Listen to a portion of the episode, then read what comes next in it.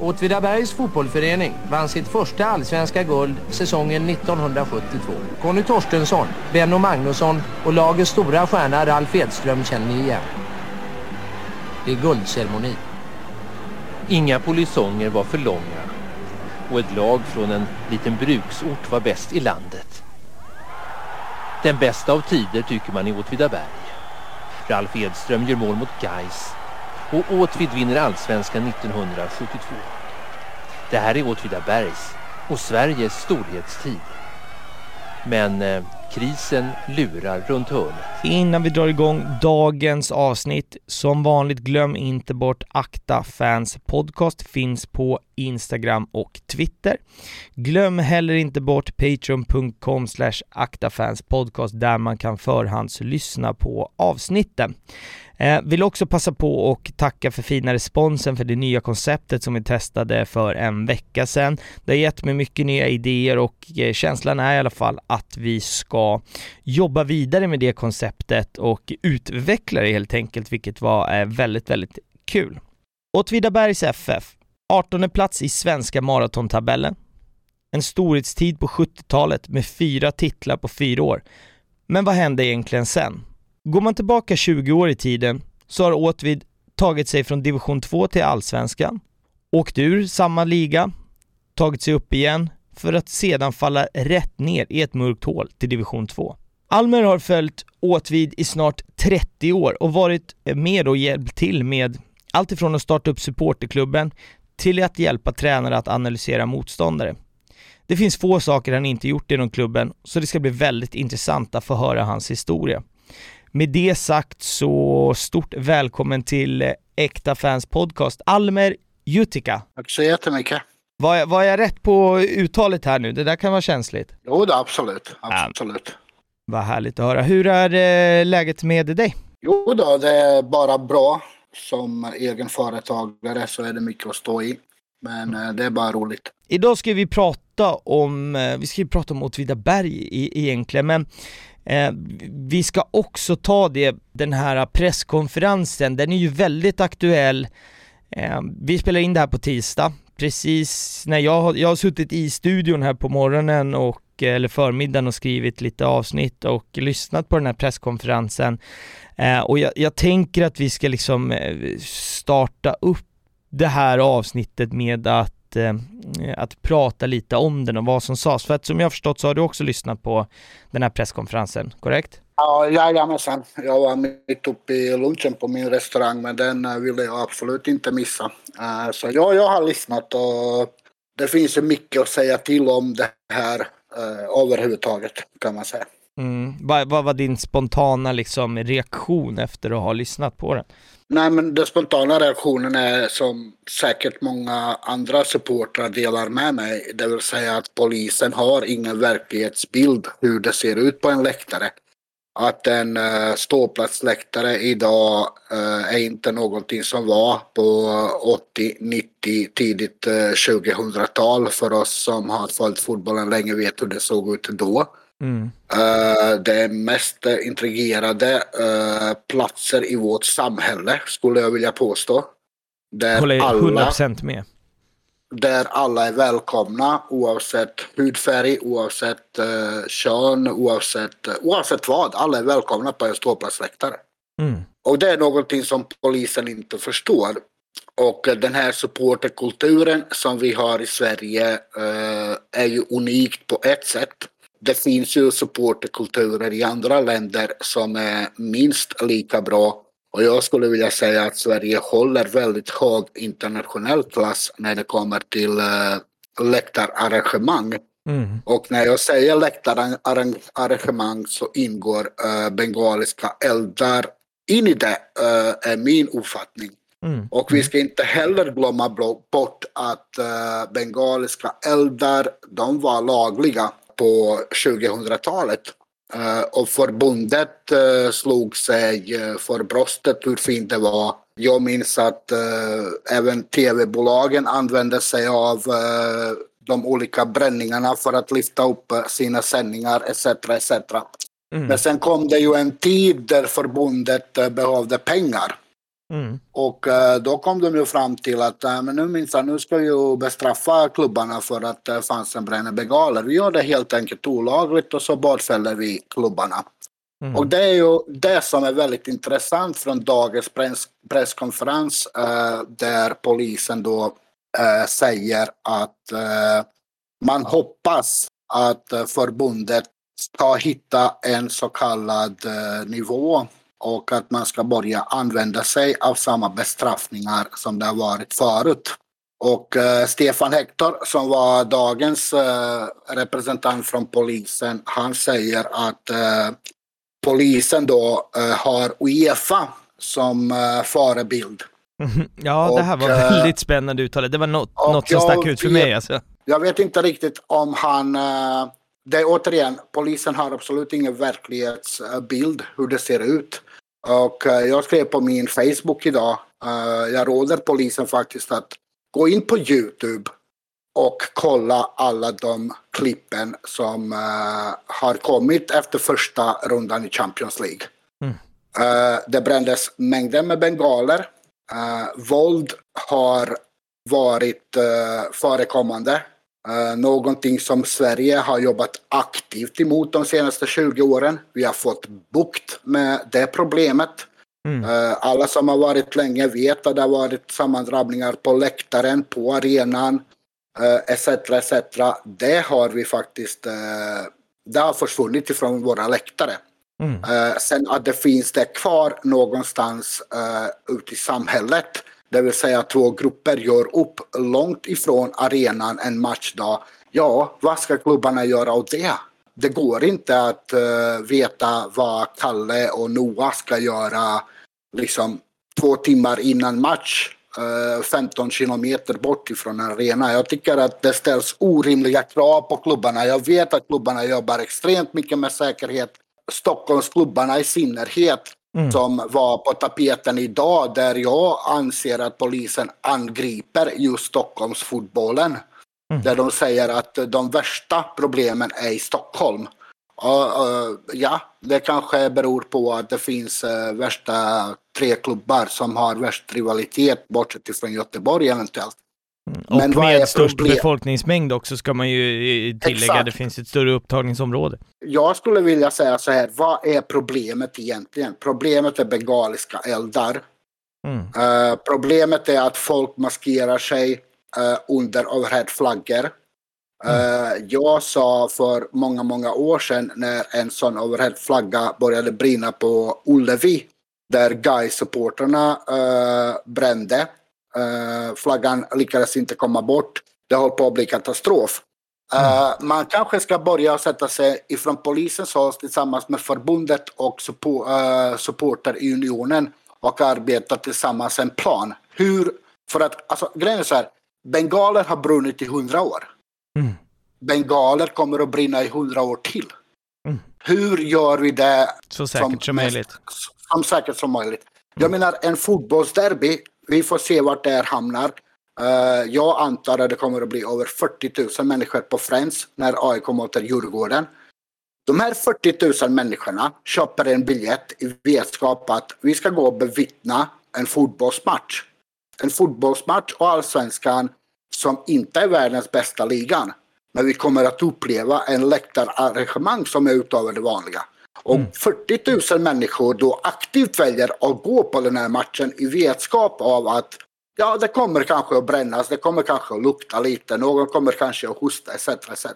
Men liksom, vad är problemet? Problemet är att polisen vill sätta ner sin fot, de vill förbjuda all pyroteknik, de vill komma åt att det inte finns några ordningsstörningar. Jag menar en krog i storstan uh, som drar 50-70 personer har kanske mer ordningsstörningar än en fotbollsmatch. Alltså med, den, med den logiken som polisen jobbar med runt, runt fotbollen så, så skulle ju till exempel, om vi tar Stureplan, då skulle ju hela Stureplan få vara 10 pers på varje krog sedan 70-talet. Alltså med, med, med, samma eh, tankegångar. Du hade inte kunnat haft en, en, en, krog någonstans i hela Sverige för att ibland så blir folk fulla och slåss, det, det brukas narkotika, Alltså sådana saker. Och, och med samma retorik, det, då är det helt omöjligt att, att bedriva egentligen någon verksamhet där alkohol är inblandat, till exempel. Musikfestivaler ska vi inte tala om. Eh, ja, jag precis, skulle precis säga det. Ja. Då skulle hela musikbranschen dö ut liksom. Ja, verkligen. Jag kommer ihåg, det var några år sedan när det var någon som la upp en rolig, jag tror att det var på Twitter, när någon beräknade, när Swedish House Mafia hade sin avslutningsturné så var det Eh, de, den andra kvällen de hade på Friends Arena var det fler, eh, fler liksom brott be, som begicks än vad det hade varit på hela allsvenska fotbollssäsongen. Men man skulle aldrig få publikneddragningar på en, en konsert eller på en festival, det skulle ju aldrig hända. Ja, det, det är eh, det var, det var, så mycket konstigt som, som, som sades idag och det, det som jag reagerar mest på egentligen efter den här presskonferensen är ju han, Eh, där han öppet går ut med och säger att det finns en dialog, vi har jättebra dialog med, med SEF och Svenska fotbollsförbundet, allt sånt här där de har sagt nej, det finns ingen kommunikation. Och sen regionalt så säger han, där finns det en jättebra eh, liksom, kontakt eh, med klubbarna. Och klubbarna säger, vi har ingen dialog överhuvudtaget. Och det som jag läser mellan raderna lite grann som man säger är, är så att det finns en dialog, men vi tycker inte samma. Och deras inställning till det hela, alltså jag tror inte riktigt de har förstått begreppet dialog. Du och jag kan ha en dialog med varandra, så pratar vi, vi kanske tycker olika, man kanske kompromissar, men vi lyssnar på varandra. Polisens dialog är ju att de går in och säger så här ska det vara, punkt slut, och lyssnar inte på någon annan. Och det är ju inte en dialog, det är ju definitionen av en monolog egentligen. Alltså det, det mest störande i det här fallet, för att jag vet ju, jag har varit med länge och jag vet hur polisen jobbar egentligen när, när det kommer till de här uh, utdelning av arrangörstillstånd. Mm. Och det är faktiskt som så att varje klubb uh, inför varje match så skickar man in en ansökan, då får man tillbaka en checklista. Mm. Uh, det, här ska ni, det här ska ni göra. Och så gör man det som, som, som polisen vill. Men det kommer ändå in pyroteknik, eh, alltså pyro, eh, mm. på, på arenan. Vad ska klubben göra då? Ska de bestraffas fast de har gjort allt som polisen redan har krävt? Alltså det blir ju väldigt, väldigt skevt. Mm. Och ja. Eh, ja, jag definitivt. menar, det är bara, det är bara jätteunder att uh, AIK-representanter, Hammarbys representanter och Djurgårdens representanter bland annat som jag känner och varit i kontakt med, att de ens orkar mm. hålla på. För jag menar, de har ju varit med jäkligt, jäkligt länge, både Rickmer och Jonsson och allt vad de heter. Men mm. jag menar, det, det är ju hopplöst. Uh, för att liksom ibland känns det, det spelar ingen roll vad klubbarna gör de kommer ändå bli bestraffade. Def definitivt, och det är väl lite det som blir, alltså det motsägelsefulla i allt, det, det som är det mest intressanta är att de har den här idag, och dels valet av tid, när väljer man att hålla den här presskonferensen? Jo, exakt samtidigt som landslaget presenterar sin eh, eh, alltså landslagstruppen, vilket gör att det, de flesta sportjournalister kommer ju att vara där, vilket gör att man kanske inte får lika mycket kritiska frågor. Så av taktiska skäl för dem att de ska få prata i fred och inte få lika mycket kritik är ju att de lägger det på en sån eh, tidpunkt. Men sen eh, Alltså, Men det, även när du söker som, som journalist, äh, även när du mm. söker som journalist, mm. en polis äh, som har äh, liksom fattat, som fattar de här besluten. Mm. Att de, de, de, vill inte medverka i några poddar, de vill inte medverka i några webb-tv-program, de vill Nej. inte medverka överhuvudtaget. Nej. Och det, det kan väl säga att det, som lyssnar också, ja det är jättekonstigt. Ja, verkligen, och det, det kan ju säga till er som lyssnar att Eh, såklart, såklart, såklart så har jag eh, liksom eh, försökt att dra i lite trådar för att få, få, få hit polisen till podden. Eh, jag har just nu min farsa på lite specialuppdrag och ska dra lite gamla trådar för att jag vill, vill få hit någon, antingen för att diskutera eh, villkorstrappan, det, det, är väl superintressant, men också supporterpoliser, för det finns ju otroligt mycket bra supporterpoliser eh, runt om i Sverige, ska också tilläggas, att få till eh, ett, ett snack med dem och, och, och, det jobbar jag på. Men dit jag skulle komma är ju att hela den här grejen handlar om att polisen vill ha säkra och trygga arrangemang och nu, har, nu är det fem dagar kvar till ett, eh, till ett super, super, alltså stekhett derby på Friends Arena där restriktionerna har släppt. Och man har fortfarande inte skickat in villkoren till AIK hur fan ska AIK få till ett tryggt och säkert arrangemang där man inte fem dagar innan kan ens planera för det hetaste Stockholmsderbyt kanske någonsin. Det är eh, absurt och det är, det är helt, så... Det är helt ofattbart. Ja, och det, man, man liksom, det är så motsägelsefullt så att det är ju skrämmande. Och eh, nej, det, den bristen på bollkänsla är eh, Alltså man slutar fan aldrig att förvånas. Det, det, det är det man tänker sig, nu kan de inte göra någonting dummare här. Nu har de liksom, nu, nu har de målat in sig i ett hörn. Och sen bara slår de sina egna rekord gång på gång. Det är eh, förvånansvärt varje gång hur, eh, hur illa den här frågan sköts från eh, en myndighet som minst sagt är i kris och det verkar ju som att alla förstår att de är i kris förutom de själva. Ja, men så, så är det absolut. Och uh, om, om, vi bara back, backar, jag tror det är en vecka sedan, uh, som Djurgården fick i uppmaning ifrån polisen att gå upp på läktaren med sina egna ordningsvakter uh, och liksom ta hand om eventuella pyrotekniska föremål och så vidare. Mm. Så vidare. Mm. där är det också någonting som polisen skjuter sig själva i foten. För att en representant i en annat program uh, som då var, jag tror det är tre år sedan kanske, uh, han sa polisen, ordningsvakter ska inte ingripa på läktaren. För att om det finns tusen personer på en läktare så behövs det 3000 uh, eh, personer, ordningsvakter, för att göra ett säkert ingripande. Så vi ska inte förvärva, för, förvärra situationen genom att ingripa på plats. Nej. Men nu har de ju alltså gått tillbaka till uh, liksom, vad de själva tyckte det var uh, omöjligt uppdrag. Och sen när det kommer till att förbundet ska uh, bestraffa klubbarna, alltså man går tillbaka 20-25 års uh, i tiden. Ja, men det och känns ju som att... Den, faktum är den att Svenska fotbollsförbundet, uh, SEF, som är ägt av Superettan och allsvenska klubban, mm. klubbar röstade igenom det här och sa nej, vi vill inte ha det så. Mm. För det är liksom inte själva för, visst förbundet kan ju bestämma. Men om de inte har stöd hos SEF så blir det ju väldigt svårt att genomföra. Mm, mm. Så även där har ju inte polisen någon koll överhuvudtaget. Och det känns faktiskt som att de senaste två, två och ett halvt åren det har kommit någon in i polisens ledning där Uh, som, som, jag vet inte om han är från Mars eller någonting. För att jag menar, det, det, finns ju faktiskt poliser inom poliskåren som motsätter sig uh, ledningens beslut.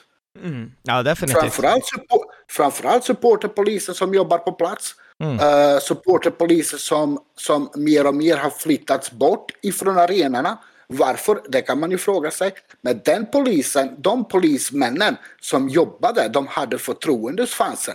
Mm. De kunde gå in på en fullsatt ståplatsläktaren utan några som helst problem. Ja, men och de, eh, de poliser som man har sett genom åren som har eh, varit, ja men, alltså det, det är lite det vi är inne på, med dialogpolis, det har varit sådana som kanske inte alltid är uniformerade, de har bara en gul väst där det står polis på, där det finns en ömsesidig respekt, där, där polisen förstår vad, vad, vad vi som supportrar gör och supportrarna förstår dens arbete, de har ju aldrig varit någon liksom tjafs eller, eller bråk runt omkring för de är ju trevliga, vettiga människor, de eh, respekterar supportrar, de, de lyssnar också på supportrar.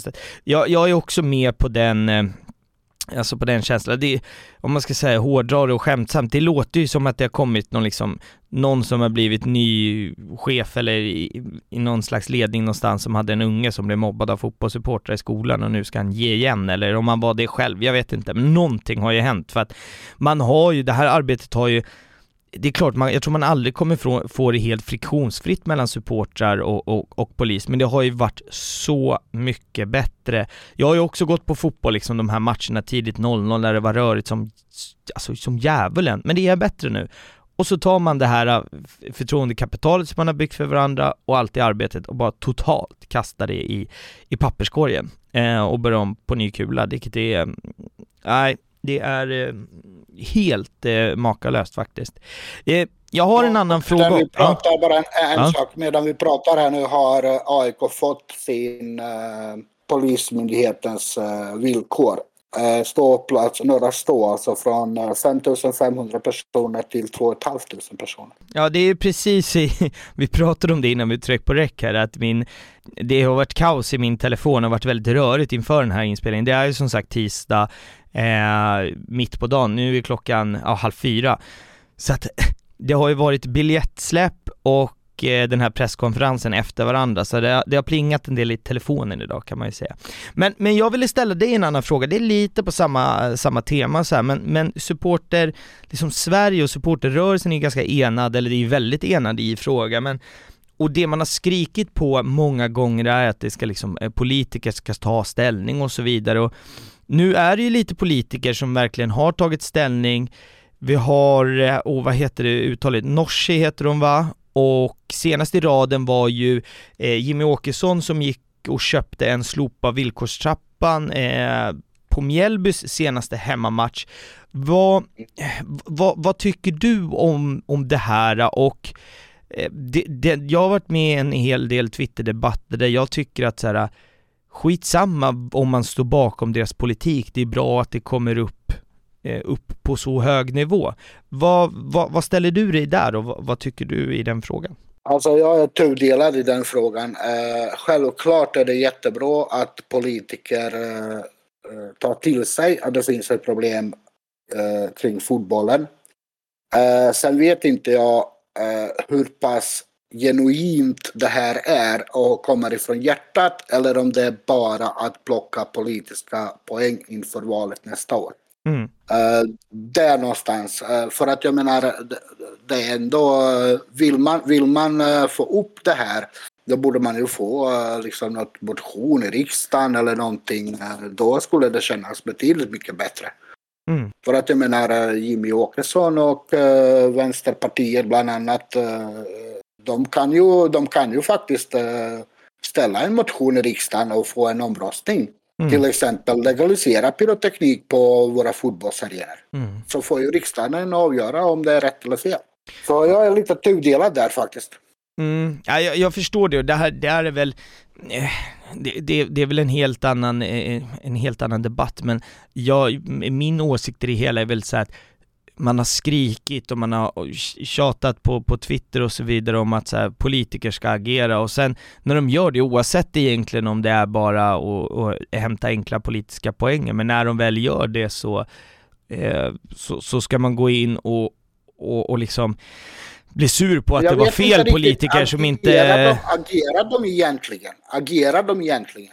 Då visar ju, visar ju, alltså i grunden, jag, jag, jag är med på ditt tänk här, men de gör ju för någonting mig är det åtminstone. Mer agera, för mig är det mer agera, okej, okay, ställ fram en motion i, i riksdagen, då har du agerat. Mm, mm. Kan jag tycka.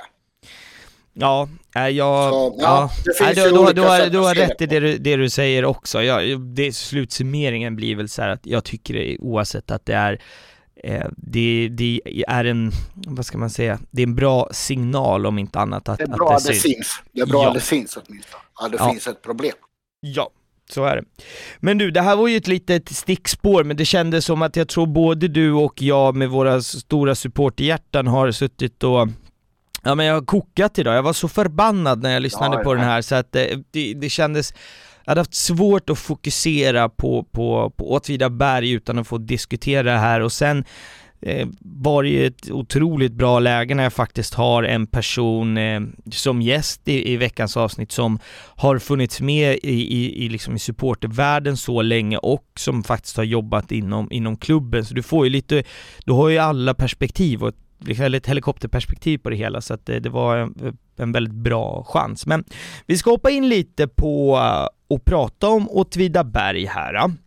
Och du har ju, du går på din första match 94 och det är samma år du flyttade till Sverige som jag har förstått det. Berätta lite om det där, hur du hamnade på Åtvidabergs eh, matcher. Ja, det, det, var ju som så att eh, jag kom ju ifrån eh, Bosnien.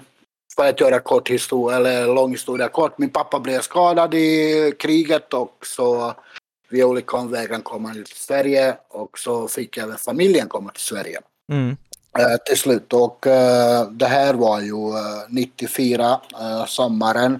Strax därefter uppehållet så liksom det är ju enda lokala laget som finns på orten liksom så det är mm. klart att man ska gå och kolla. Men det var så himla chock du vet. man kom in på Kopparvallen.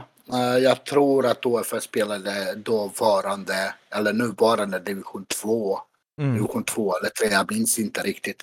Men du vet, alla satt ju tyst som på dagis, liksom inte en käft som sa någonting. Liksom, jag tänkte, vad i helvete har jag kommit till? Liksom, du vet, mm. jag kommer ju från Sarajevo, alltså där, där var det liksom, ja, min första fotbollsmatch gick jag när jag var sju år, liksom, du vet, det, det, det, det var något helt annat här.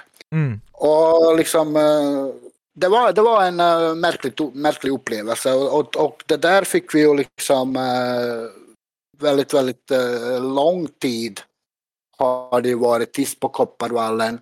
Och sen var det ju ett år då en utav, jag tror det är 2000 någonstans där, så försöktes det starta en klack. Uh, vilket var helt okej. Okay. Uh, men man sågs från Åtvidaberg-hållet som ett gäng huliganer som står och gapar och skriker och liksom slår på en trumma du vet. Mm. Så det var mm. många så här onda blickar liksom. Och mm. sen uh, gick vi upp i allsvenskan vill jag minnas. Och då drog ju en annan uh, bekantning en Facebook-event. Mm. Våra, supporter, våra supporterklubb uh, som jag var den sista ordförande i. Vi, nu har vi, vi ska göra så här, jag ska pausa dig där, vi hoppar väldigt, ja. väldigt, vi går lite fort fram där, vi, vi har lite okay. steg att komma innan, innan vi ska ta oss dit. Men eh, jag tänker, där har vi, där är vi 94, du börjar och, och, och hamna runt, runt klubben och sådär, och sen eh, Alltså jag tänker att vi, jag vill bara innan vi kliver in, du är ju med och, och startar upp supporterklubben 2003 och vi har, vi har lite grejer vi ska gå in på, men jag vill bara först att Alltså jag, jag, vill bara få ett litet grepp om, eh, om Åtvidaberg som, som klubb, för att min känsla är precis den du beskriver, att det väldigt länge har varit en klubb som man ska använda kategorier återigen, att det är en väldigt så här, kategori A-supportrar runt Åtvidaberg. Men om, om du ska beskriva liksom Åtvidaberg som klubb, om du får ur klubbhåll, som, eftersom du har jobbat inom klubben, eh, och även supporterroll, hur skulle du be beskriva Åtvid? Nej men det är väldigt skötsamma supportrar eh, mm. framförallt. Som, eh, som bygger relationer med andra supportrar. Mm. Vi kan ju komma in på det senare.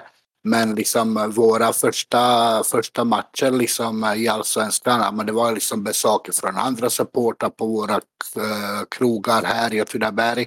Vi åkte, vi åkte över, liksom besökte deras, alltså just det här, det var aldrig någon som helst bråk uh, någon gång uh, egentligen. Utan uh, det har alltid varit så här fredliga, fredliga människor. Liksom. Mm. Och uh, det, det som har saknats, eller det som saknas sen idag, det är att unga ska, liksom vi som har vi som startade supporterklubben, liksom, vi är 40-plussare. Liksom. Det går inte, eller det går, men det är inte samma sak du vet. Mm. Uh, så, just den här uh, generationsväxlingen har inte funnits i Åtvidaberg. Uh, på, på det sättet som vi hade önskat. Det är liksom som sagt var väldigt mycket, väldigt mycket äldre publik mm. som minns 70-talet och man är stolta över det. Och, Ja, för det, det, det, man ska tillägga, det är ju många, det, det är blandat med åldrar på de som lyssnar, men Åtvidaberg är ju alltså, de har ju en storhetsperiod på 70-talet där man mellan 70 och 73 tar fyra titlar, man tar två SM-guld och man tar eh, två cuptitlar. Ja, och jag tror att är, är, man ung i sitt supporterskap idag så, så, så kan man liksom glömma att eh, att Åtvidaberg har, om vi, vi drar ett, ett exempel i, idag, de har dubbelt så många titlar som Hammarby. Det, det är nog ganska lätt att, att liksom glömma bort när man pratar om Åtvidaberg och kollar man, går man tillbaks i den, i, i tiden så har det varit liksom landslagsanfallare i, i Åtvidaberg. Det har varit ett väldigt, väldigt slagkraftigt fotbollslag i svensk fotboll men om man ska vara helt ärlig så är det länge sedan nu så, så, är det ju sådär. Men, jag, men, men, men man ja. måste också, ja, ja, bara för att flika in här, ja, uh, 70-talet, 70-talet absolut en sak. Men jag stör mig lite uh, okay. på det storhetstiden och alla slår sig för bröstet 70-tal hit och 70-tal dit. Man får inte glömma bort att det fanns en uh, stor uh, facitfabrik i Åtvidaberg där, mm. där man var stor sponsor. Det fanns pengar på 70-talet. Mm. Det Åtvidabergs FF gjorde slutet på 90 2000 och framförallt 2010 och framåt. Alltså det är ju så mycket större än det som hände på 70-talet. Åtminstone i mina ögon. För att med de små resurserna ta sig upp till allsvenskan, sluta åtta tre år i rad, mm. vara i en cupfinal, vara ute i Europa. Mm. Uh, så nära att komma in i, i gruppspelet i Uefa-cupen. Uh, det tycker jag slår betydligt mycket mer med de små resurser som fanns då kontra 70-talet. Mm. Faktiskt. Ja, det, det, det är någonting, det, det, här är så intressant också när man, när man gör sådana avsnitt för att man vet inte alltid vart man ska hamna och det här hade jag ingen aning om som så här, du vet klassisk 08-supporter men det är, jag, jag är nog beredd att hålla med dig om man har en väldans massa pengar som bara pumpas in och man kan inte köpa vem, vem man vill men eh, då, då är det klart det blir eh, mycket enklare och även på den tiden så så, så pengarna styr ju fotbollen i, i mångt och mycket och har man oändligt med resurser så, så är det också väldigt enkelt att vinna. Det har du ju faktiskt väldigt, väldigt, väldigt rätt i. Och du vet på, på, på 70-talet när, när de här storspelarna kom, mm. alltså då fanns ju facit, kunde erbjuda jobb direkt, kunde mm. erbjuda liksom vissa förmåner och, och så vidare och så mm. vidare. Mm. När, när uh, Mange Eriksson till exempel kom till Åtvidaberg, han fick ett par skor. Alltså du vet. Mm. Bara för alltså det är ju jätteskillnad. Mm. Och för att inte prata om liksom 29, alltså då fick ju, då tränade ju spelarna klockan fem, sex på kvällen, hade halvtidsjobb i superettan. Mm. Och ja, idag kliv, när man... Ja, kliva upp med man, det är starkt. Ja, ja. Och, och, när man berättar det för någon nu liksom, ja men ja, du kanske fan har rätt i det du säger att det var enklare på 70-talet eller vad man nu ska säga det. Sen det är klart att slå Chelsea och Barcelona, Bayern München, allt vad det var. Uh, det klingar betydligt högre givetvis. Ja, men det, det, är också det, när man, det blir lite äpplen och päron eh, och, och jämföra det precis som, som eh, du säger här. Men du började också 2003 där att eh, vi landar där ofta, börjar skriva på, på svenska fans. Var du först från Åtvidaberg att skriva på, på svenska fans och var med och startade den sidan eller fanns det någon föregångare till dig? Jag kan säga att nej, nej. Uh, svenska fans vill jag minnas startade eh, uh, 2001 eller något liknande och uh, hade typ uh, lite engelska, engelska redaktioner. Jag var en av de första uh, bland svenska redaktioner som började skriva. Okay. Uh, på, på, på hela sajten egentligen. Mm. Uh, så på så sätt började man ju började man skriva lite och så gick man ju liksom mer och mer på matcher och kom närmare laget och sådär. Mm. jag minns ju att i början när jag började skriva då satt jag liksom som vanlig supporter på läktaren och sådär. Och sen efter två eller tre matcher så var det någon eh, OFF-representant då uh, som sa att du kan få liksom presskort mm. och akkreditering och komma in på liksom, och intervjua spelare och grejer och du vet Ja, det var ju något helt magiskt liksom. Man var ju jättestolt, du vet. såklart, såklart. Och alltså, vad var... Varför ville du skriva på svenska fans? Vad, eh, vad fick dig dit, så att säga? Ja men du vet, det, det fanns ju liksom, eh, de, de grabbarna, de, de är ju, full, eh, eh, en del av dem är ju aktiva idag mm. uh, inom supporterskap och sådär. Uh, de hade en egen hemsida som handlade, Åtvidaberg hade inget uh, officiell sida överhuvudtaget. Mm. Utan det var, det var liksom tre killar uh, som åkte på alla matcher och skrev lite matchrapporter och förde statistik och så vidare och så vidare. Mm och jag tyckte att det, fanns behov av att uh, liksom ha ytterligare någon som skriver. Så alltså, och jag skrev lite annorlunda än, än de här uh, de här andra. Jag var lite mer objektiv medan de var mer uh, supporter, blågda eller vad man nu ska kalla det. Mm, mm. Och, så, som supporter lätt kan bli. ja, jo, så är det. Och så har jag ju jobbat genom hela, inom hela min tid i, i mediebranschen och än idag. Jag mm. försöker se matcherna med objektiva ögon istället för uh, subjektiva. Mm, mm. Ja, men det är också ett, ett sunt tänk och hela grejen med, med jag, jag upprepar det ganska ofta, är ju att hela grejen med den här podden är också att man, man måste kunna liksom ha två tankar i huvudet samtidigt. Jag tror att det är väldigt viktigt i ens supporterskap att, att kunna mm, ja men vara supporter men samtidigt kunna tänka eh, både kritiskt och kunna credda andra lag om de är bra på planen eller på läktaren och sådär. Alla har inte den förmågan att kunna ha två tankar i huvudet samtidigt, så, så är det faktiskt. Då, eh, Nej, samma och det, år... Och det är relativt svårt också eh, när man efter en förlust, eh, framförallt då när man började jobba officiellt för Åtvidabergs FF, mm. när man efter en förlust, man jobbar nära kanske en tränare, men du ska ändå göra den här intervjun för hemsidan officiella hemsidan. Och då liksom att ta bort alla dina supporterkänslor fast eh, kanske man torskar en jätteviktig match. Och sen ska du ställa sakliga frågor. Det är jätte, jättesvårt men man lär sig. Ja. Jo, men det, det kan, alltså ja, det är faktiskt jävligt svårt där man bara vill säga vad fan, vinn!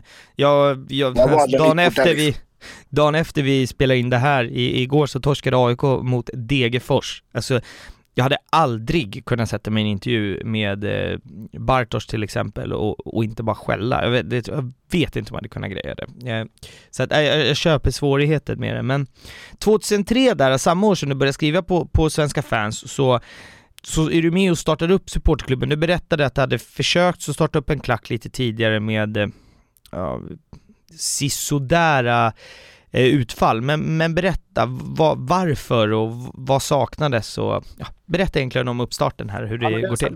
Det, det, saknades egentligen, eh, det var inte min idé egentligen utan det var en, eh, två andra människor. Mm. Det saknades egentligen en supporterklubb, officiell supporterklubb som Åtvidabergs styrelse kunde ställa sig bakom helt enkelt. Mm. Vilket, de, vilket de gjorde när, när de presenterade upplägget för hur man har tänkt sig att uh, stötta OFF och så vidare. Och så vidare. Mm. Då var det ju liksom dåvarande ordförande uh, Samuelsson, vad tusan han hette, ja skitsamma, uh, på det här mötet, uh, uppstartsmötet. Och på så sätt uh, fick man liksom, vad ska man säga, legitimitet ifrån Åtvidabergs styrelse framförallt. Mm. Och det är ju inte många, det är inte många styrelser som ställer sig uh, bakom supportrarna i den omfattning som, uh, som uh, OFF styrelse då gjorde faktiskt. Nej, och, de brukar vara väldigt skeptiska, speciellt i början när det kommer någonting nytt och det, det sker en förändring. Mm, då, då är det ju mm.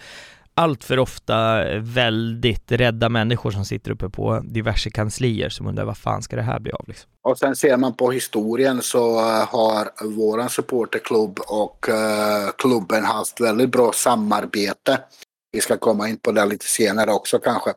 Mm. Uh, men, men liksom det, det, är i stort sett bara en gång som vi har haft dispyt med klubben. Uh, där vi krävde hela styrelsens avgång. Men i övrigt så liksom har vi våra medlemmar har jobbat med lottförsäljning med, med andra saker och ting. Så mm. Vi samlade ju in uh, väldigt stor summa pengar när vi blev bakfällda av Uefa. Jag tror det är 2013. Okay. Uh, det, handlade om, det handlade om en övergång av John Ovoeri från egyptisk klubb till Åtvidabergs FF. Okay. Där visade sig att han uh, var typ kontrakterad eller något liknande under tiden som förhandlingarna pågick. Mm och, det får man ju, och det får man inte göra enligt, eh, enligt Uefa. Så de slog ju ner med 1,2 miljoner i bötesbelopp. Mm. Och eh, då var jag och några till som startade en insamling uh, för att betala för klubben hade inte råd med det här. Och uh, våran tanke var ju att uh, samla in 1,2 miljoner, vilket vi lyckades med. Uh, med hjälp av Åtvidabergs Sparbank. Där de sa att allt som vi samlar in, vi lägger lika mycket. Ah, okej. Okay.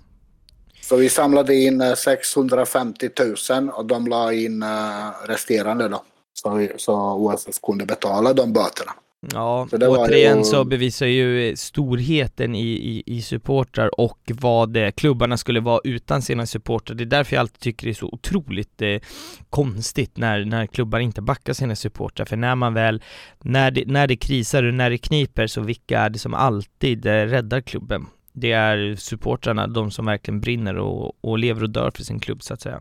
Men jag tänker här att från det att, vi, vi att ni startade upp supporterklubben 2003, jag, jag vill att du berättar lite vad som händer läktarmässigt, supportermässigt, fram till 2009 och där, där ska vi liksom ta ett litet avstamp sen, men om vi tar åren 03 fram till eh, någonstans eh, 09 när det börjar gå riktigt eh, bra sportsligt också. Va, vad händer supportermässigt hos er då? Nej men det var ju väldigt tufft. Uh, fortfarande pratar vi Åtvidaberg, ett gäng på 25-30 personer som står och gapar och du vet minsann, det har alltid varit tyst och skötsamt på Kopparvallen. Nu kommer de här uh, idioterna och ställer till det. Uh, vi vill dricka vår kaffe i fred och liksom käka bulle va, under tiden. ja. Under tiden vi kollar på matchen. Men eh, sakta men säkert så började det här växa. Fler och fler personer som... Eh, du vet, vi, vi, vi hade liksom en ståplatsläktare. Vi stod eh, i mitten på den läktaren. Och det var ju alltid eh, typ så här 5-10 meter tomt och sen nästa rad. Men sen allt eh, vart efter så började liksom folk närma sig, började klappa lite lätt och, och började åka på bortamatcher i större utsträckning. Så liksom vi jobbade, vi jobbade väldigt mycket med liksom image, att vi är skötsamma, att man kan släppa sina ungar på 12-13 år med oss eh, utan några större bekymmer och så vidare. Och så vidare. Det var, det var tre, fyra år sedan där vi jobbade väldigt mycket aktivt på våran uh, image. Vad är vi för ett gäng som eh, gapar och skriker liksom? Intressant, och sen, sen har ni ju utvecklat det här äh, och supporterklubben lever frodas och sen börjar ju sporten eh, faktiskt gå ganska bra.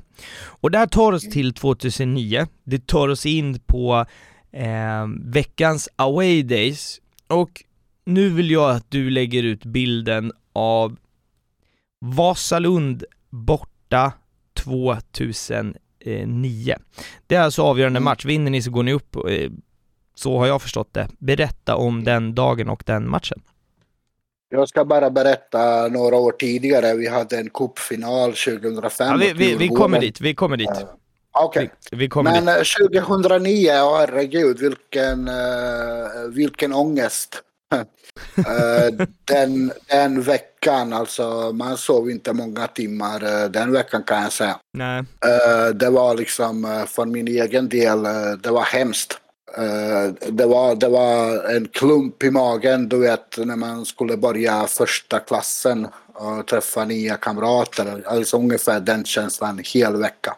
Mm. Uh, man försökte liksom eh, få bort det genom att vara på träningar, uh, vara nära laget, på något sätt liksom känna av den här stämningen. Men så fort man kom hem, då, ja, men då, då var det ju den här nervositeten igen i magen och så vidare. Vi mötte ju då Vasalund på Skytteholm. Jag kommer inte ihåg hur många bussar åkte ifrån Åtvidaberg, men det var väldigt, väldigt, väldigt många. När vi kommer till arenan där så blev vi hänvisade. Alla som har varit på Skytteholm vet hur den arenan ser ut. Mm. Bakom ena målet. Inga stora äh, läktare vi... där alltså?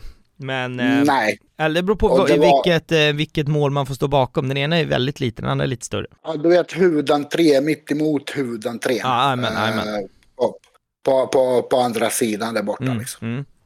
Uh, medan sittplatsläktaren är ju liksom uh, fullsatt. Folk sitter uh, där nere. Och uh, relativt så här tysta förväntansfulla. Då klev jag in på läktaren där och så sa jag antingen så ställer ni upp allihop och gör vi det här till en riktigt jäkla bra fest och stöttar vårt lag. Eller så kommer vi liksom 40-50 och får stå där borta och så kommer det bara bli jävla pannkaka av allting. Mm. Och så började folk eh, ställa sig faktiskt upp. Så eh, vi kliver in kanske 50-60 personer från våra supporterbussar upp på den uh, läktaren där kallade vanliga supportrar sitter. Uh, medan därpå kommer säkerhetsansvarige uh, till mig och säger att det här, ni kan inte göra så här. Ja men vadå så här? Ja men tänk om någon får hjärtinfarkt längst upp. Hur ska vi liksom kunna göra en insats? Vad, sa jag, om någon får hjärtinfarkt då bär vi ner det fanskapet ner, sa jag till dig, så får du ta hand om honom. uh, så på så sätt, och det var, det var en av de absolut bästa läktarinsatser som, uh, det är topp 10 i alla fall, som jag kan, som jag kan minnas. Vi, vi sjöng ifrån uh, innan matchen började, vi var typ där en timme innan matchen började. Mm. Och uh, Vasalund får ju ett rött kort där och det står 0-0 och det står 0-0 och matchen tickar 0-0 och då börjar man ju kolla på liksom okej okay, vi har Mjällby nästa omgång, ja men då kan vi säkra det hemma om vi slår Mjällby. Man börjar liksom tänka i de banorna va. Mm. Och sen eh, närmar sig slutet och 90 minuter och så är det numera Djurgårdsspelaren Haris Radetinac eh, som avgör. Och faktum är att, eh, jag vet inte, han säkert listar inte på det här men Haris Radetinac på den tiden, han kunde inte slå till bollen. Han har inget tillslag? Inte, nej, nej, han kunde inte skjuta. Det gick inte. Han, han var jättebra med bollen, men han hade jättesvårt med inlägg, han hade jättesvårt med skott och etc. etc. Och på något jäkla vänster fick han en strumprullare, du vet. som, mm. som, som går in i mål. Mm. Och då liksom bryter, då, då, då bryter det liksom Kaos. helvetet. håller jag på att säga. Men du vet, jag har aldrig sett Åtvidabergare bete sig på det sättet. Nej. Du vet, ifrån, ifrån liksom tysthet på Kopparvallen i hundra år till ett enormt glädje. Och, och, och, och liksom då fanns det ju inte, ja men liksom några råkade hoppa in på, liksom, du vet hur Skytteholm är. Mm. Liksom, det var ju så pass trångt så några i glädjen liksom hoppade in men sen kom de ju på sig själva liksom. Mm. Så tillbaks fort som fan liksom. Mm.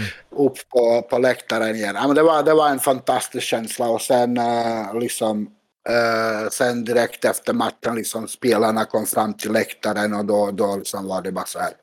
Herregud, jag, liksom, man började skjuta jag hade med mig min dotter och sonen, de var inte gamla liksom. Jag sa förlåt Sabina, det var stort när du föddes men det här är fan större. Alltså. så ja, hon minns ju det idag och liksom vi återberättade. Så, ja. men det var, det var en underbar känsla liksom äh, därifrån. Äh, sen åker vi ifrån Vasalund och då är det ett äh, annat gäng som åker i, lite före oss för att förbereda mottagandet här i Åtvidaberg. Mm. Uh, och de, jag vet inte vilken hastighet de körde från Stockholm, men uh, de lyckades uh, bygga upp en scen Uh, du vet på torget i här i Åtvidaberg. De, mm. Alltså det var ju hur bra som helst. Och då var det ju liksom uh, hela, äh, överdrivet hela Åtvidaberg, men det var massvis med människor så när vi anländer med bussarna och uh, det finns en gata ifrån en parkering liksom. Vi hör bara musiken. Mm. Och folk är tysta liksom. Tänkte vad fan alltså. Vad är det som händer? Och apropå bengaliska eldar och dess effekt. Uh, givetvis uh, hade jag med mig lite pjäser. Mm, mm, mm. Så jag bränner av två stycken. Det är kanske hundra meter bort ifrån uh, själva torget. Liksom. Och du vet när jag bränner av två stycken, då börjar folk reagera där nere. Mm. Och då var det liksom fest hela kvällen. Och eh, spelarna anlände, eh, presenterades och så vidare och så vidare. Eh, det var jättehärligt. Eh, sen skulle vi gå och festa. Men du vet, jag orkar inte. Jag, man är jag slut, helt, eh, man är helt slut helt mentalt. Slut. Ja, ja det, var, det var något av utöver det vanliga faktiskt. Mm, mm. Så jag gick hem och sov i jag vet inte hur många timmar. Och sen eh, på morgonen skulle vi vara med i Sveriges Radio. Jag tror att det finns ju någonstans på, på alltså vi kunde inte prata i, i radio. Vi kan ju se om vi, får du tag på det så kan vi lägga upp det på, uh, på poddens Instagram och, och, Twitter. Det hade varit faktiskt väldigt kul att, att få upp och lyssna på. Vi, vi, låter, vi låter, jag minns det som idag, vi låter så och Bosse, Bosse vad tusan han hette, Bo, Bo, Bo, Bo Andersson tror jag. Som mm. jobbade många, många år på, på Sveriges Radio. Liksom. Han, han var ju liksom kunnig så han förklarade för folket vad vi sa i stort sett. så det, det, det, var väldigt, väldigt skoj faktiskt. Ja, en, en mäktig historia om en mäktig dag och en mäktig match. Ehm, du ska också få berätta här om eh, om den där cupfinalen 2005 mot Djurgården och ni möter då ett Djurgården som är eh, Ja, det, det är Sveriges ja, bästa lag. Mästare. Ja, de har, mm. de har ju liksom dominerat svensk fotboll i ett gäng år. Här, eh, berätta om eh, den matchen. Nej, men det var ju också, jag tror att eh, hela supportergrejen började egentligen där. Uh, mm. Jag tror att vi åkte med 15-20 bussar upp till, till, till, uh, till den här finalen. Spelade sen på Råsunda då va? Ja, precis. Ja. Mm. Uh, Råsunda. Uh, en jämn match uh, där vi bränner en straff. Förlorar matchen till slut. Men i och med, i, alltså det var, det var, det var också sån här härlig läktarinsats. Där, där vi fick ju inte vara på Norra Stå, kommer inte ihåg av vilken anledning det var. Uh, ja, uh, så att man kunde liksom se Djurgårdens klack, utan vi fick ju uh, motsatt sida, eller bredvid uh, Norra Stå, kommer inte ihåg mm. vilken läktare det där nu kallas. Men jag det borde vara också Östra som ni stod på då, jag. Ja, det kan det, kan det vara. Mm. Det kan det vara. Uh, men jag vet också så här, jag bad då uh, ordningsvakterna, liksom, kan ni släppa upp oss på norra så att vi sätter upp en banderoll i alla fall. För att liksom kameravinkel, man ser ju inte oss, man hör ju bara. Och då var det också så här, vi, vi ställde, satte upp den och gick ner. Så det var ju också en härlig, härlig uh, insats uh, läktarmässigt. Mm. där. Och sen visade det sig ju liksom att den själva finalen skulle ju räcka då för att uh, spela i kval till Uefa-cupen. Och mm. där har vi ytterligare en uh, insats. Uh, vi fick spela våran match mot Brann. Ja just det, det är nästa match som vi skulle in på, så att du bara, mm, är bara kör precis. här. Jag, jag gillar och det här, då, det är väldigt enkelt för mig i det här avsnittet. Det är, bara, det, ja. det är som att släppa lös dig här. Jag älskar det alltså. Och eh, då skulle vi spela i Växjö uh, där nere. Okej. Okay. Uh, eh, för att Norrköpings uh, plan var upptagen eller vad tusan det var, idrottsparken. så då fick vi åka till Växjö och spela mot Brann. Och det var också en läktarinsats som jag minns. vi slog ut Brann. Det var också mäktigt. Där folk verkligen ställde upp och bad. Alltså spelarna, du vet, alltså de var ju helt slut. Brandt tryckte på, tryckte på. De, alltså de behövde göra ett mål. Men liksom spelarna som spelade då sa utan, utan det läktarstödet skulle vi aldrig kunna klara av, av det. Så eh, det var också något utöver det vanliga. En av de också toppinsatserna som eh, Åtvidaberg gjorde på den tiden. Och det, det är så svårt att, att, att, se det här, alltså på ett sätt, för att alltså, i, i mitt supporterskap, så jag har jag har ju sett AIK Åtvidaberg hur många gånger som helst, men återigen så det, det, känns som att det var, var länge sedan och 2006 det, det är ju på ett sätt också, det, det, är en bra stund sedan, men att man var ute och, och snurrade i Europa, känns det, känns det långt borta i, idag? Nu ska jag säga att inför 2021 så, så huserar ni i division 1. Ni spelade i division 2 men blev uppflyttade. Um, känns det, hur långt borta känns det att vara liksom i, ute i Europa idag? Väldigt, väldigt långt borta tyvärr. Mm. Uh, det, det, det, är väldigt, väldigt mycket som uh, måste till för att överhuvudtaget tillhöra elitfotbollen igen. Det vill säga spela i superettan Uh, jag menar, vi, vi försöker undvika att åka ur uh, i år. Det är den bittra sanningen. Mm, mm. Som vi får förhålla oss till, helt enkelt. Mm. Vi ska ta en match till här. Eh, också en positiv eh, match. Eh, det som händer här efter den här första matchen, Vasalund 2009, så går ni upp 2010. Där mm. åker ni eh, ur men mm. eh, man eh, går bra i superettan, eh, alltså då 2000 Eh, 2010, ja 2011, förlåt nu är det jag som snurrar upp mm. åren. Man går bra i, i Superettan 2011 och eh, återigen så står man att man är en match ifrån att ta klivet upp igen. Och då bär det av mm. till Sundsvall. Berätta om eh, den matchen. Där var det ju inte många som åkte. i och med att det var så jäkla långt. Uh, så vi åkte ju, jag tror det var två minibussar plus lite personbilar och så där. Så det var inte speciellt mycket till supporterskap uh, som var på plats. Men uh, jag var ju då som reporter, eller vad man nu ska kalla det. Mm. jobbade ju med webb-tv dock in, både för officiella hemsidan och svenska fans eh, parallellt. Så jag var på innerplan under hela matchen. Och mina, min dotter hon var ju på läktaren. Och det är ju väldigt liksom så här som man har ju kontakt och så vidare. Men vi tar ju ledningen genom Oskar Moller. 1-0 där. Och det är en sån här match som eh, man bara går och väntar på att Sundsvall ska göra 1-1 och 2-1 Eh, de var helt dominanta. Det var stolpträffar, det var ripträffar, det var jag vet fan vad det var mer. Och du vet, liksom, man, man, har den här, du vet, när man har, du som supporter, man har den här känslan, det här kommer inte gå. Liksom, det, det, det finns inte på kartan. Men sen eh, äh, gnetar vi till oss och liksom så här, du vet, 89 minuten och ja, det är fan börjar liksom hoppet tändas även att, mm. äh, även att Sundsvall trycker på. Och så det, jag tror det är 91 minuten och får en frispark strax utanför äh, vårt straffområde. Och jag, alltså jag, jag, jag vänder bort mig liksom. Och, och, och tänker liksom okej, okay, jag, jag vågar inte kolla. Så jag, jag, får lyssna på publiken liksom. Och då hör man bara så nej. Du vet Sundsvallssupportrarna. Mm. Då, då kändes det liksom, ja men nu är det klart. Och det roliga med den matchen när vi kommer till Sundsvall, de, de, de hade tryckt upp över hela arenan. Välkommen till allsvenskan, Giffarna.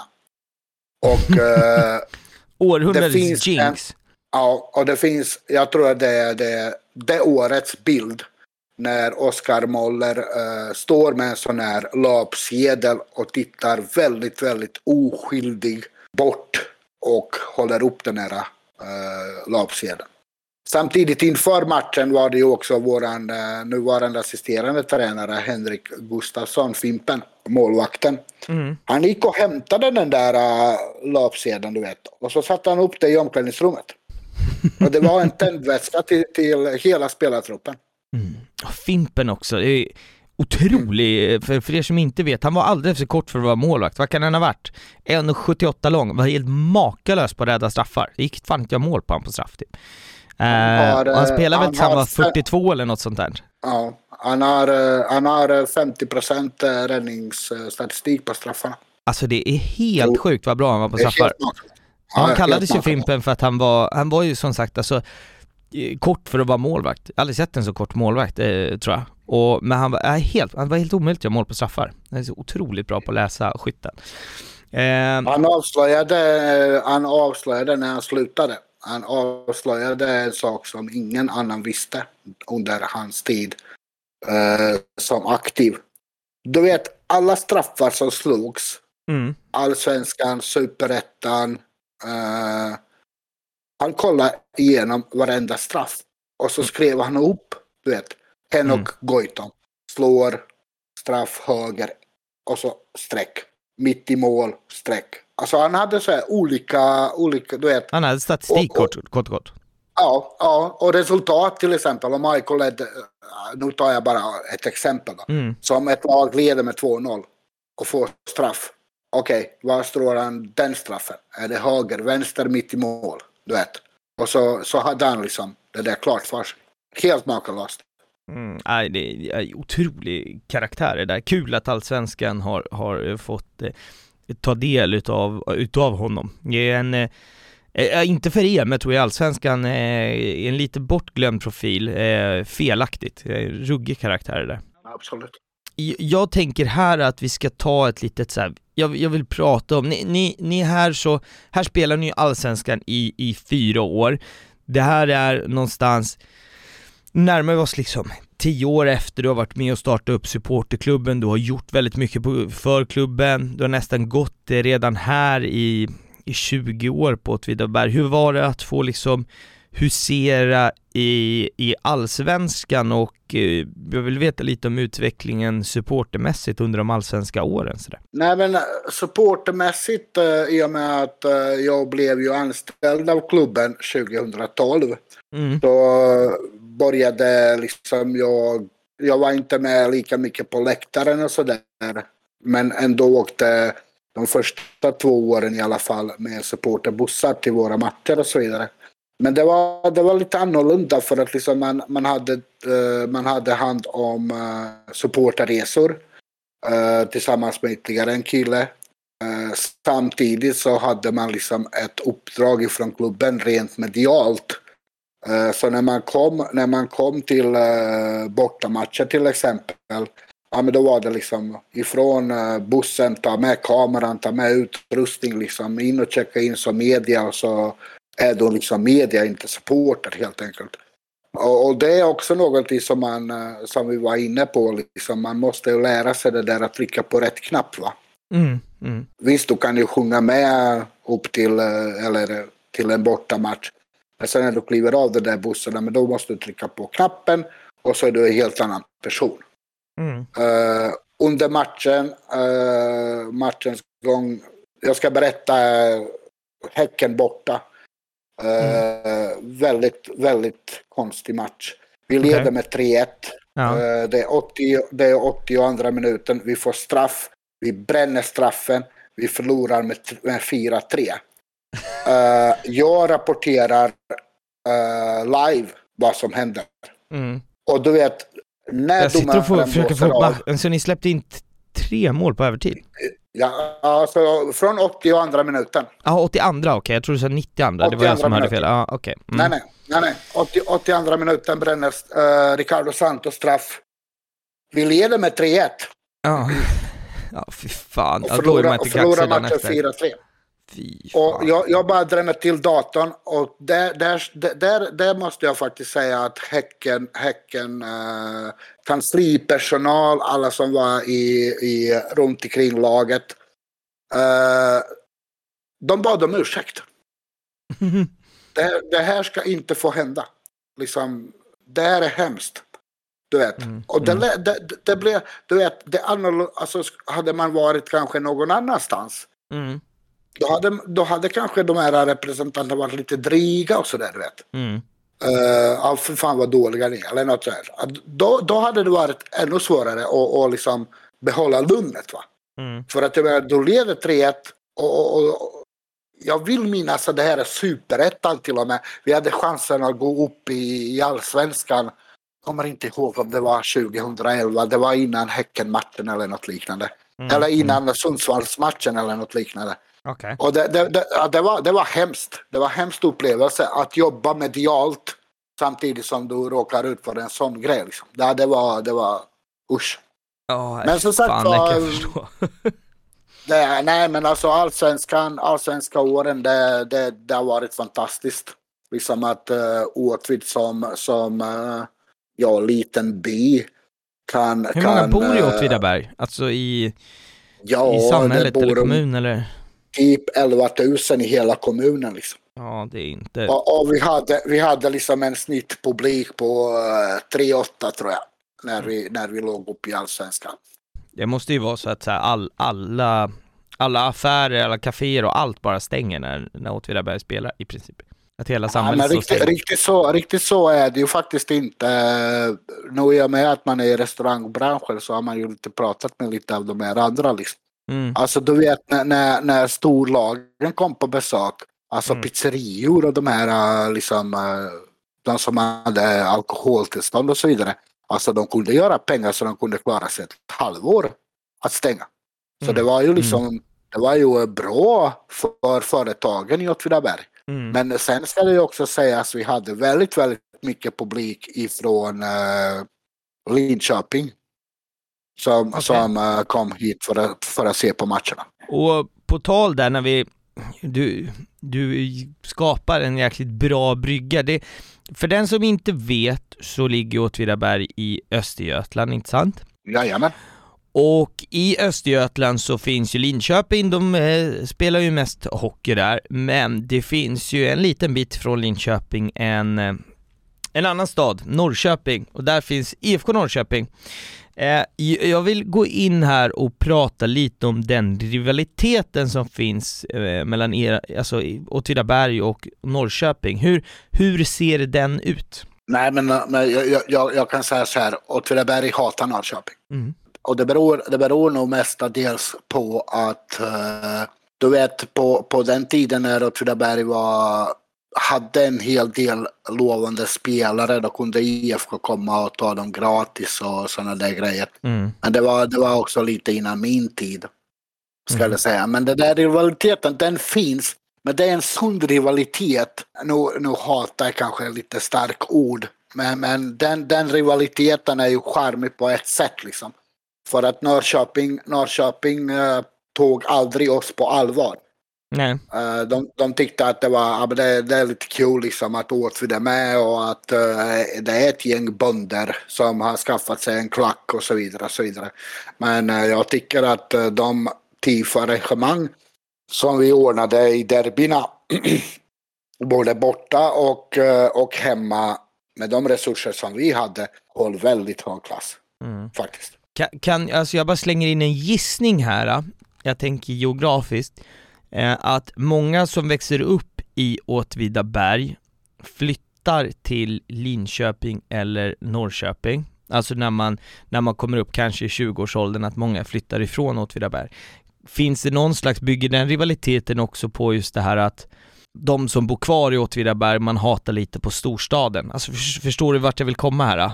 De som Nej, tar alla det, jobben det, eller får uppmärksamheten? Nej, det, det tror jag inte. Jag tror, tror, inte det är väldigt, väldigt många som flyttar ifrån uh, Åtvidaberg till Norrköping. Däremot finns det ju många som flyttar till Linköping, absolut. Mm, okay. Linköping är ju mer, mer uh, nära Åtvid än vad Norrköping är. Uh, mm. Så är det. Mm, okay. Inte bara geografiskt utan liksom du vet, här i Åtvid liksom, vill man åka och handla tv eller dataskärm. Ja, men vart ska du åka? Ja, men vi åker till Linköping liksom. För här mm. finns, i Åtvid finns inte de möjligheterna. Okej. Okay. Nej, det var, bara, det var bara en gissning alltså, eftersom såna, den rivaliteten finns. Eh, och hur tror du att det hade sett ut? Vi tänker att att, att eh, Linköping hade haft ett fotbollslag som vi säger spelade i Sveriges två högsta divisioner, hade det varit en, en större eller mindre rivalitet då gentemot dem än mot Norrköping? Förstår du frågan? Väldigt svårt att säga för att uh, vi i Åtvidaberg uh, anser att Linköping uh, kommer inte att komma någon vart när det gäller fotbollen. Nej. Vi, vi tar inte Linköping på allvar. Nej.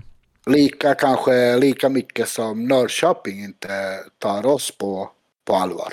Även att många Norrköping-supportrar tyckte det var jättekul att hade derbyt och alltså mm. de var ju mer, mer positiva Medan vi, haha, vi, vi ska fan slå er liksom. Det är det enda det går ut på. ja men eh, intressant. Jag ville bara bolla upp den, den, den rivaliteten lite sådär och för, för, för, att, för att få till det. Och Alltså, med, med, det sagt så, Norrköping har ju en hel del liksom så ultraskultur som, som lever och frodas där. De har ä, även haft en hel del kategori C-gubbar på, på benen och sådär. Hur kan du beskriva en, en match mot Norrköping på Kopparvallen? Hur är liksom stämningen runt arenan och, och, och, och sådär? Är det en du sa ju att det var en sund rivalitet, men är det en, en, en hatisk, en hotfull stämning eller är det mer liksom att man är taggad inför matchen? De första åren så när vi spelade i, vad heter det, i Allsvenskan, mm. vi hade en krog som hette Sjökrogen.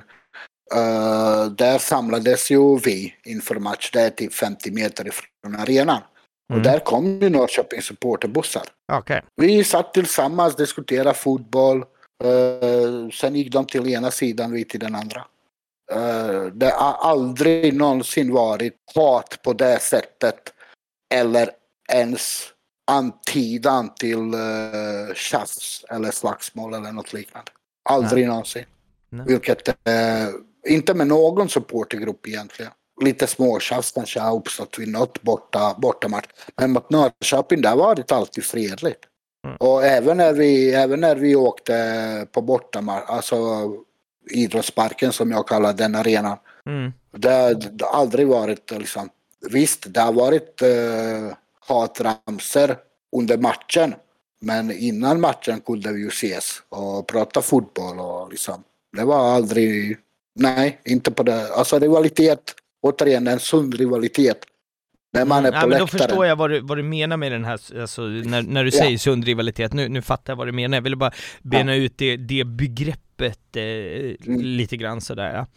Ja. Eh, men det som är intressant med, med dig och Åtvidaberg, det har vi varit inne och nuddat jättemycket på det under avsnittet, men du har ju typ jobbat med exakt allt man kan jobba med runt en klubb, alltså dels supportermässigt varit med och startat upp supportergruppen, du har eh, berättat själv att du har jobbat väldigt mycket med, med media och sånt där, och jag tänker att vi bara ska ta lite så här några olika saker du har jobbat med och berätta hur det varit att jobba med det och, och berätta var och varför sådär.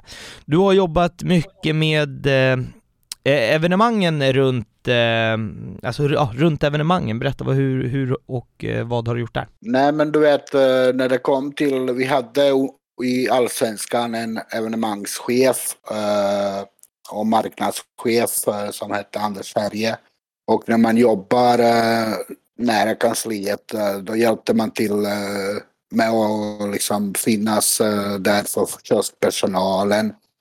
Bära ut olika grejer.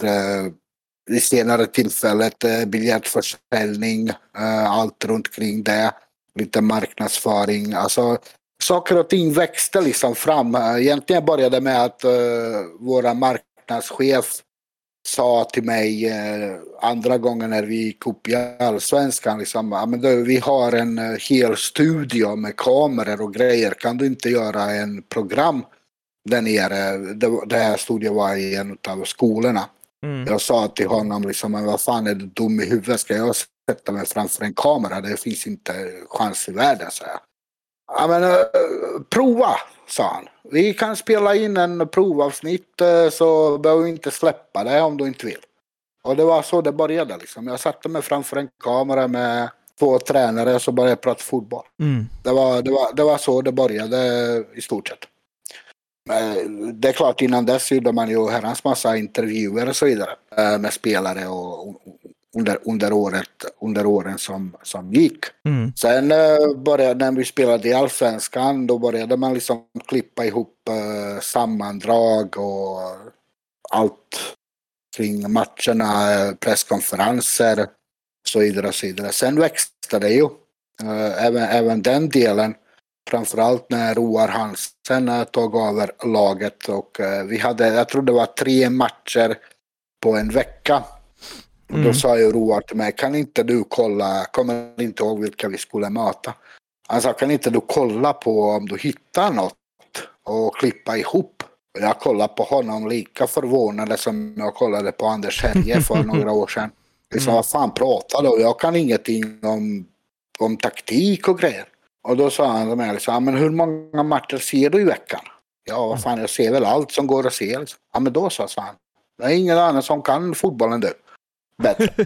Och då sa jag till honom, okej okay, jag sätter mig ner och kollar och så klipper jag ihop någonting och så får vi fan sitta tillsammans och bena ut liksom vad som är bra och vad som är dåligt.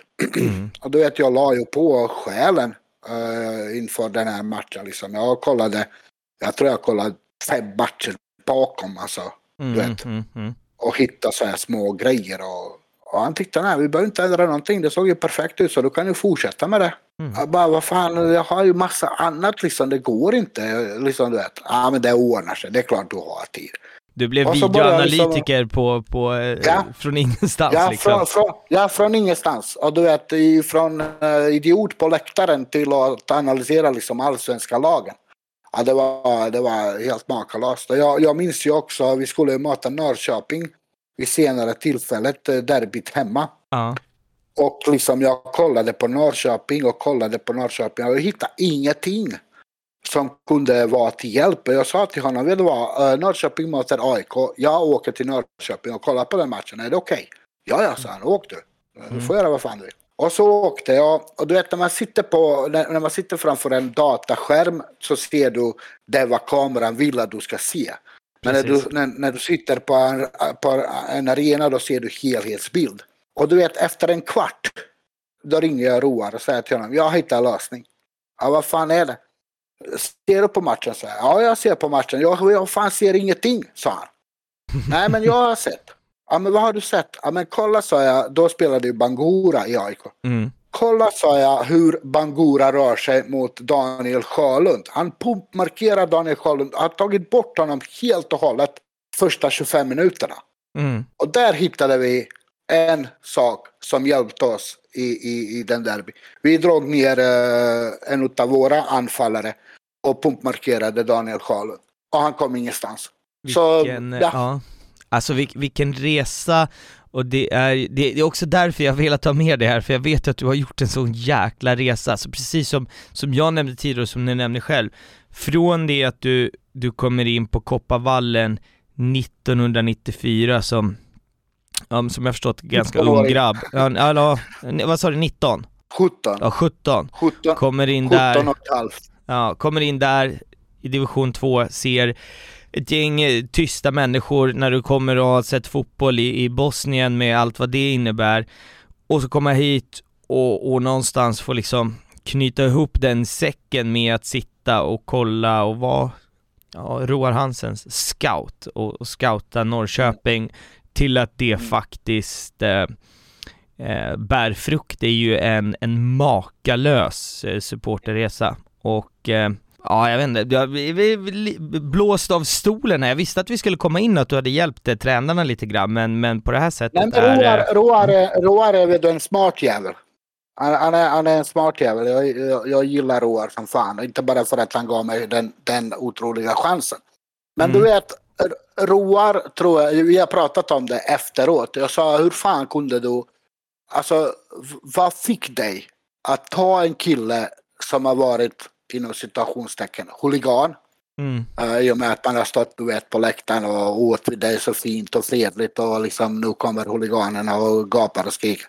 Mm. Och, och, och, och, lita på mig. Mm. Och våga. Han sa, vad fan, om det är någon som brinner för den här klubben och inte vill förlora en match så är det ju du. Så det är klart att du kommer att lägga själen på att hitta saker så att vi inte förlorar matchen. Mm. Så på så sätt var han ju smart. Det är en superrimlig tanke. Faktiskt. Det är väl inga konstigheter överhuvudtaget. Jag Nej. vill bara, vi, vi, ska, vi ska avsluta här eh, snart, men du har också nämnt att du har varit med och um, haft något finger med i spelet gällande lite övergångar och sådär. Berätta, vad är det? Nej, men i och med, i och med att man jobbade på kansliet och uh, liksom, uh, du, vet när, när, när det kommer till uh, just en misslyckad övergång blev ju slutet för min del, men det behöver vi kanske inte gå in på. För det är en personlig historia. Mm. Eller vi kan gå in på det, varför jag slutade i, i Åtvidabergs FF. Men mm. du vet, uh, när, när det, det, det, var ju också så här, en del människor försvann ifrån kansliet som tog hand om de här övergångarna i mm. Fogis. Så, så liksom då om vi värvar en spelare, då kommer till exempel Roar till mig och säger att den här spelaren ska härifrån, eller från, ja vad fan vet jag, ifrån ena laget in till oss. Mm. Och då, då har du liksom spelarnas uppgifter och då går du in i, i Svenska fotbollsförbundets uh, Fogis, letar upp den här spelaren, anmäler övergången, uh, sen laddar du upp en massa dokumentation och så är det förbundet som godkänner den här övergången. Mm. Uh, sen, sen, betalar du en avgift, sen är liksom spelaren klar. Uh, ja. Och sådana övergångar tog jag hand om även A-laget, U19, U17, alltså hela, hela den biten liksom. Så. Men sen apropå det här, uh, det här hände 2018. Det var två brassar uh, som, skulle, uh, som skulle till OFF. Mm. jag hade kontakt med killarnas agent Eh, även våran sportgrupp och uh, styrelsen i Åtvidabergs FF. Mm -hmm. Övergångarna skulle gå igenom Fifas admin, uh, vilket inte var några konstigheter egentligen. Däremot var det en liten detalj som missades. När, okay. jag, frågade, när jag frågade agenterna, har de här spelarna professionella kontrakt i Brasilien? fick jag till mig svar, nej de är amatörer. Okay. Uh, när jag pratade med Svenska fotbollsförbundets ansvariga uh, för genomgångar, då sa, då, då sa han till mig, gör, registrera ett lån för att de här killarna skulle spela i Åtvid en säsong, sen skulle de gå tillbaks. Okay. Och ett, uh, om man registrerar ett lån, då slipper man extra pappersarbete. Mm -hmm. uh, vilket jag gör, precis så som blev rådet. Så 13-14 timmar efteråt visade sig att killarna har ett professionellt kontrakt i Brasilien. Fifa godkänner inte övergången, transferfönstret stängs. Ah. Någon måste hängas. Okay. På, uh, jag har berättat det här för lokal media. Just på den tiden, jag tappade lite av den här gnistan. Det hände mycket annat uh, runt omkring klubben. Uh, jag tappade gnistan helt enkelt. Jag orkade inte fightas, jag orkade inte stå på barrikaderna, jag orkade inte tjafsa. Det var en stor sponsor som krävde att jag skulle få gå. Jag packade ihop mina saker, lämnade rakryggad uh, och gick därifrån. Mm. Nu är jag tillbaka Eh, på väldigt liten basis där jag skriver matchrapporten. När styrelsen ringde för någon månad sedan och frågade kan du snälla hjälpa oss att lyfta hemsidan? Absolut, det kan jag göra, inga som helst bekymmer. Jag gör det i den mån av tid jag har. Det kommer inte vara lika professionellt, lika bra som det har varit någon gång innan. Men det kommer att finnas åtminstone en matchrapport och en inforapport inför varje match. Då sa de det, ja men det räcker för oss. Okay. Så du vet, jag, jag, jag är där när klubben behöver mig. Fan, du har gjort en otrolig eh, eh supporterresa här och eh, det har varit en, en, en stor ära faktiskt att få få, få lyssna till det. Jag har avslutat alltid med samma fråga och jag vill göra så även i det här fallet. Så att, eh, sista frågan för dagens avsnitt är, eh, vad är supporterkultur för dig? Passion, kärlek till sina klubbar oavsett färg. Vill du stanna där? Mm. Ja, alltså det, det, det är kärlek till klubben. Det var det. Det var det. Eh, hörni, tack så jättemycket för att ni för visat intresse. Glöm inte bort Akta Fans eh, podcast på Instagram och Twitter. Och sen hörs vi igen nästa måndag. Ha det fint hörni. Ciao! I samarbete med Esen Studio